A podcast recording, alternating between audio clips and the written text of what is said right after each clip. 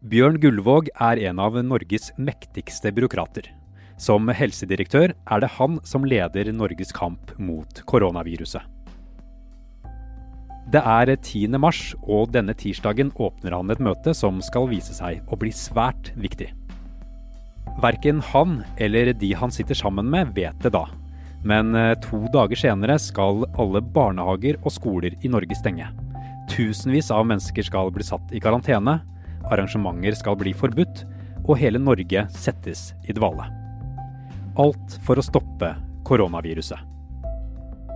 I dag skal journalist Per Anders Johansen fortelle oss om hva som faktisk skjedde da Norge innførte de mest dramatiske tiltakene etter krigen. Dette er Forklart fra Aftenposten. Jeg heter Andreas Bakke Foss. Det er tirsdag 24. mars.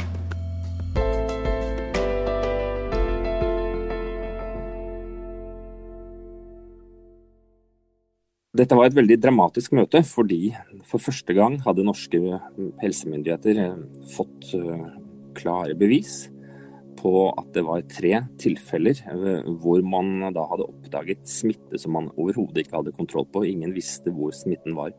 I tillegg steg jo antallet norske bekreftede smittetilfeller. Og man var over i det man kalte en helt ny fase av epidemien. Men Hvordan beskrev deltakerne på dette møtet situasjonen den 10. mars? Etter at man hadde gått gjennom de siste tallene, så begynte man å diskutere for første tiltaket hva bør gjøres. Og ganske tidlig så sier eh, helsedirektøren Bjørn Gullvåg at eh, nå må politikerne, statsministeren og helseministeren på banen. Fram til dette tidspunktet så hadde jo disse møtene foregått uten noen som helst form for politikere til stede. Og eh, man diskuterte flere tiltak. Paradoksalt nok så var faktisk det første tiltaket de diskuterte, var om man skulle avlyse selve Nato-øvelsen. Men dette var jo bare et, et, lite skritt. Det var veldig mye annet som presset seg på. Og det alle var enige om, at man var over i en helt uh, ny fase, og det var behov for å gjøre mer enn man har gjort så langt. Ifølge referatet så sa helsedirektøren at statsråd og statsminister må på banen for å understreke arbeidet vi utfører. Og eh, de var også bekymret over at man ikke klarte å få et tydelig budskap ut, både i politikken, media og pressen, om alvoret i situasjonen. Hvilke tiltak var det som ble vurdert på dette møtet denne tirsdagen? Et tiltak som ble diskutert uh, veldig bredt, var spørsmålet om store møter i det norske samfunnet. I dagene før så hadde det vært mange diskusjoner fram og tilbake i kommunene om uh, hvilke arrangementer som skulle avlyses. Og uh, et av de mest interessante innspillene var at Folkehelseinstituttet sa at det var ikke noen smittevernfaglige grunner til å, å forby møter, men at det var praktisk, fordi det var så mye ressurser som nå ble brukt i kommunene til å ta stilling til om det eller det møtet skulle være åpent. Og Dermed anbefalte man rett og slett å, å legge, sette et tall, rett og slett forby møter med mer enn et visst antall mennesker. Men på dette møtet Per Anders, tirsdag 10.3, drøftet de allerede da også stenging av barnehager og skoler? Når vi går gjennom alle de tiltakene som ble diskutert, så er det ingen som verken foreslo eller diskuterte f.eks. stengning av skoler og barnehager. Man diskuterte om man skulle stoppe Nato-øvelsen Cold Response. Man diskuterte hva som skjedde på flyplassene. Man var veldig opptatt av den meldingen som eh, mange fikk med seg eh, på søndagen, hvor det viste at det kom fly fra Nord-Italia og landet på Torp i, ved Sandefjord. Og alle passasjerene gikk ut uten noen som helst form for kontroll eller oppfølging. Så det var et viktig punkt. Men eh, selve det å stenge ned eh, det norske samfunnet var ikke da på agendaen. Men to dager senere, morgenen torsdag 12.3, møtes toppene på nytt. I en times tid diskuterer de hva de skal gjøre. Etter en pause kastes pressen ut, og dørene lukkes. Det er nå de dramatiske tiltakene foreslås. Vi er straks tilbake. Hei! Hvis du har barn i skolealder, har vi en god nyhet til deg. Nå lanserer Aftenposten Junior en helt ny podkast for barn. Den heter Juniorrådet og skal hjelpe barn med å håndtere små og store hverdagsproblemer som de møter hjemme, på skolen og på sosiale medier. Når man kjeder seg, da, så får man litt mer tid til å tenke. Det kan være bra, da. For da kan du tenke over ting man har gjort, og gjøre bedre valg og få et bedre liv videre. Da. Juniorrådet kan dere høre på der dere vanligvis spiller av podkaster. Per Anders, to dager senere, altså torsdag 12. mars klokka 8.30, så var det et nytt møte. Hva var det som skjedde da? Dette var på mange måter et historisk møte, for dette var altså siste gang før de viktige beslutninger ble tatt, hvor man samlet eh, toppene i beredskapsinnsatsen til Norge. Her eh, kom eh, alle de faste medlemmene, og i tillegg så kom statsminister Erna Solberg og helseminister Bent Høie. Det første delen av møtet var faktisk åpent, og pressen var til stede, hvor man ga en del generell informasjon. Men så stengte man dørene, og da begynte diskusjonen. Og her kommer for første gang spørsmålet om å bl.a. stenge alle skoler og barnehager opp. Når dørene var lukket, så begynte diskusjonen. Det første spørsmålet fra statsminister Erna Solberg gikk på hva som ville skje hvis det verste skulle skje, ifølge scenarioene som helsemyndighetene hadde utarbeidet. Den viste at 2,2 millioner nordmenn kunne bli smittet. Og Solberg spurte om dette ble fulgt opp med analyser av hvilke samfunnskonsekvenser dette ville få. Svaret hun fikk var at ja, det jobbet man med. Ehm, realiteten var jo, som vi vet i dag, var at man ikke fikk gjort noen som helst samfunnsøkonomiske analyser på det tidspunktet. Og i tillegg så kom det spørsmål fra helseministeren som lurte på hvor mange man hadde klart å teste. Og svaret var at man hadde testet 8000, mens danskene bare hadde testet 2000. Eh, et stort problem på det tidspunktet var jo at man fortsatt hadde manglende testkapasitet, og det var veldig mange som ikke fikk testet. Etter hvert som eh, samtalene gikk, eh, etter en kvarters tid og en liten pause for å gjøre intervjuer, så fortsatte man diskusjon om hva som måtte gjøres i Norge av omfattende tiltak den dagen. Og det man var opptatt av, at disse tiltakene måtte være presentable til pressekonferansen, eh, som man da trodde skulle begynne klokken 14 eh, eller 17. Den første som tok opp spørsmålet om eh, å stenge skoler og barnehager, var direktør Per Brekke i Direktoratet for samfunnssikkerhet og beredskap. Han sa at han leste en uro ute i befolkningen, og sa videre i denne situasjonen vi er nå, så må vi vurdere å stenge barnehager og skoler. Dette fikk han støtte for fra flere hold, som mente at man iallfall måtte innføre strengere tiltak. Og det å innføre stengning av barnehager og skoler er jo det mest dramatiske av de vedtakene som så langt er fattet i kampen mot eh, koronaviruset. Alle landets barnehager, skoler, videregående skoler, høyskoler og universiteter stenges. Da beredskapsutvalgets eh, medlem gikk fra hverandre, så var avtalen at nå skulle Helsedirektoratet sette seg ned og vurdere nøyaktig hvilke tiltak som skulle presenteres i en bred tiltakspakke. Beslutningen for, uh, måtte da fattes i Helsedirektoratet, som hadde fått delegert et ansvar fra regjeringen. Og uh, Det tok noen timer, og det tok lengre tid enn de hadde regnet med. Og Da pressekonferansen kom klokken 18, fikk Norge svar på hva de hadde besluttet.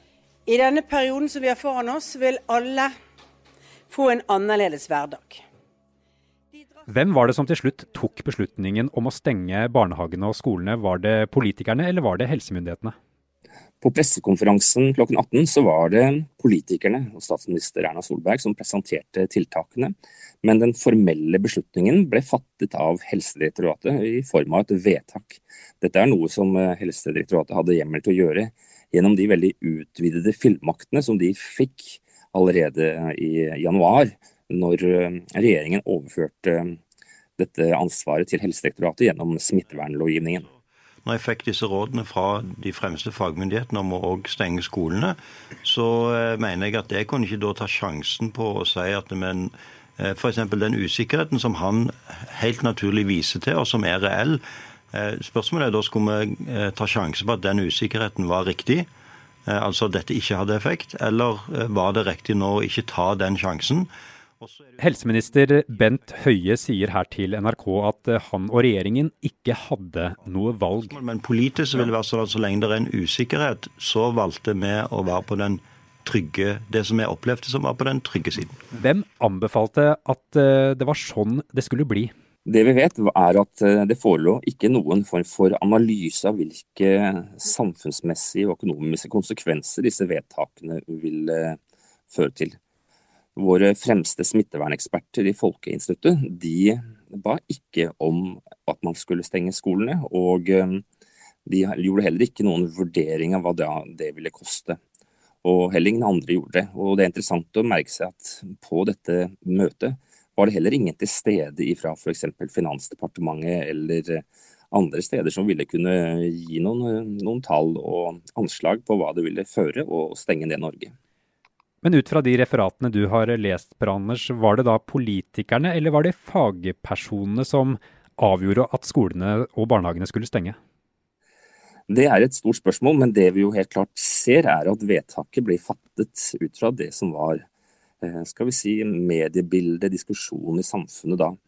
Eh, politikerne førte et veldig sterkt press på å vise handlekraft. og eh, Erna Solberg selv gjorde et stort poeng av under møtet at det var gjort mange forskjellige lokale beslutninger. Blant annet så hadde jo Bergen og Oslo kommune, som begge er Arbeiderparti-styrte kommuner, gått ut med mye strengere eh, tiltak enn det man hadde gjort på nasjonalt plan. Selve det faglige innspillet har vi ikke klart å finne noe spor etter noe sted så langt, eh, men vi vet altså at de smittefaglige ekspertene ikke hadde foreslått det. Selve beslutningen ble tatt av fagfolkene i i Helsedirektoratet, men hva de baserte dette på, det vet vi ikke. Også assisterende direktør i Helsedirektoratet, Espen Nakstad, uttalte seg til NRK i forrige uke. Så det er som Bent Høie sier, det er usikkerheter her, og man må ta et valg. Eh, skal man være av de strengeste eller de mildeste, eller skal man legge seg på et regime som, eh, i hvert fall i den situasjonen man var i forrige uke, vil virke fornuftig? Du har lest uh, møtereferatene, Per Anders. Hvor gjennomtenkt fremstår avgjørelsen om å stenge barnehager og skoler? Det vi kan si var altså at ikke det forelå eh, noen analyser av hva det ville koste resten av samfunnet å gjøre det. Og at det var en beslutning som ble tatt uh, under stort uh, press. Man diskuterte ikke nøyaktig f.eks. hva som var den reelle dødeligheten. Det var noe man rett og slett ikke visste på det tidspunktet. men det man fikk beskjed om fra Italia, gjorde jo selvfølgelig både politikere og fagfolk veldig bekymret. Hvorfor er det så viktig hva som skjedde da myndighetene bestemte seg for å gjennomføre disse tiltakene?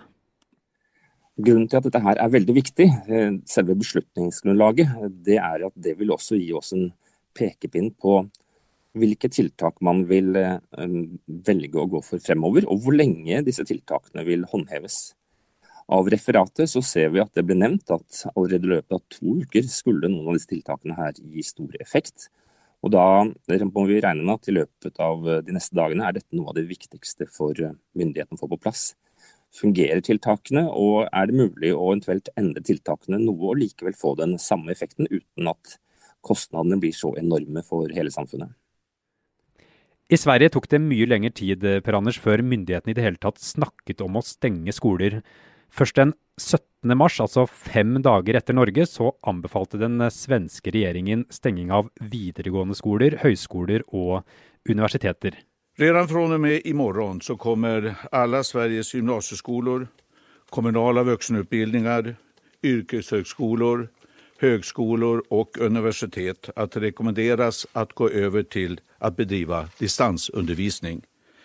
Vi kan i et senere skede komme i en situasjon der vi behöver stänga förskolor og skoler, vilket også derfor forberedes. Hvordan kan to land som er så like, vurdere dette så ulikt? En viktig forklaring på det er at i Sverige så har politikerne på mange måter overlatt de viktigste, viktigste faglige vurderingene her til Folkehelseinstituttet og deres eksperter. I Norge så viser jo referatene at eh, Folkehelseinstituttet eh, ikke spilte noen særlig aktiv rolle i forhold til de stilte vedtakene her, og at eh, det var andre vurderinger som kom inn og trumfet deres anbefalinger. F.eks. hva som skjedde i andre land, hvordan debatten var ute i samfunnet, og som DSB-sjefen sa, at det var en uro ute i befolkningen. og Dermed var det også et behov for å vise at man også innførte nasjonale strenge tiltak.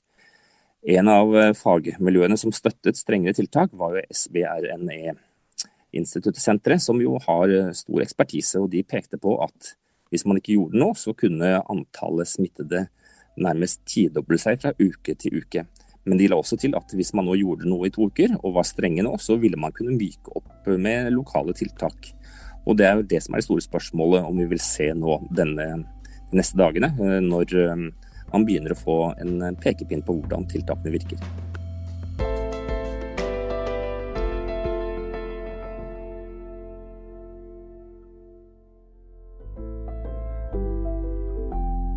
Forklart lages av Caroline Fossland, Anne Lindholm, Fride Næss Nonstad, Kristoffer Rønneberg og meg, Andreas Bakke Foss. I denne episoden har du hørt lyd fra NRK, VGTV og Aftonbladet.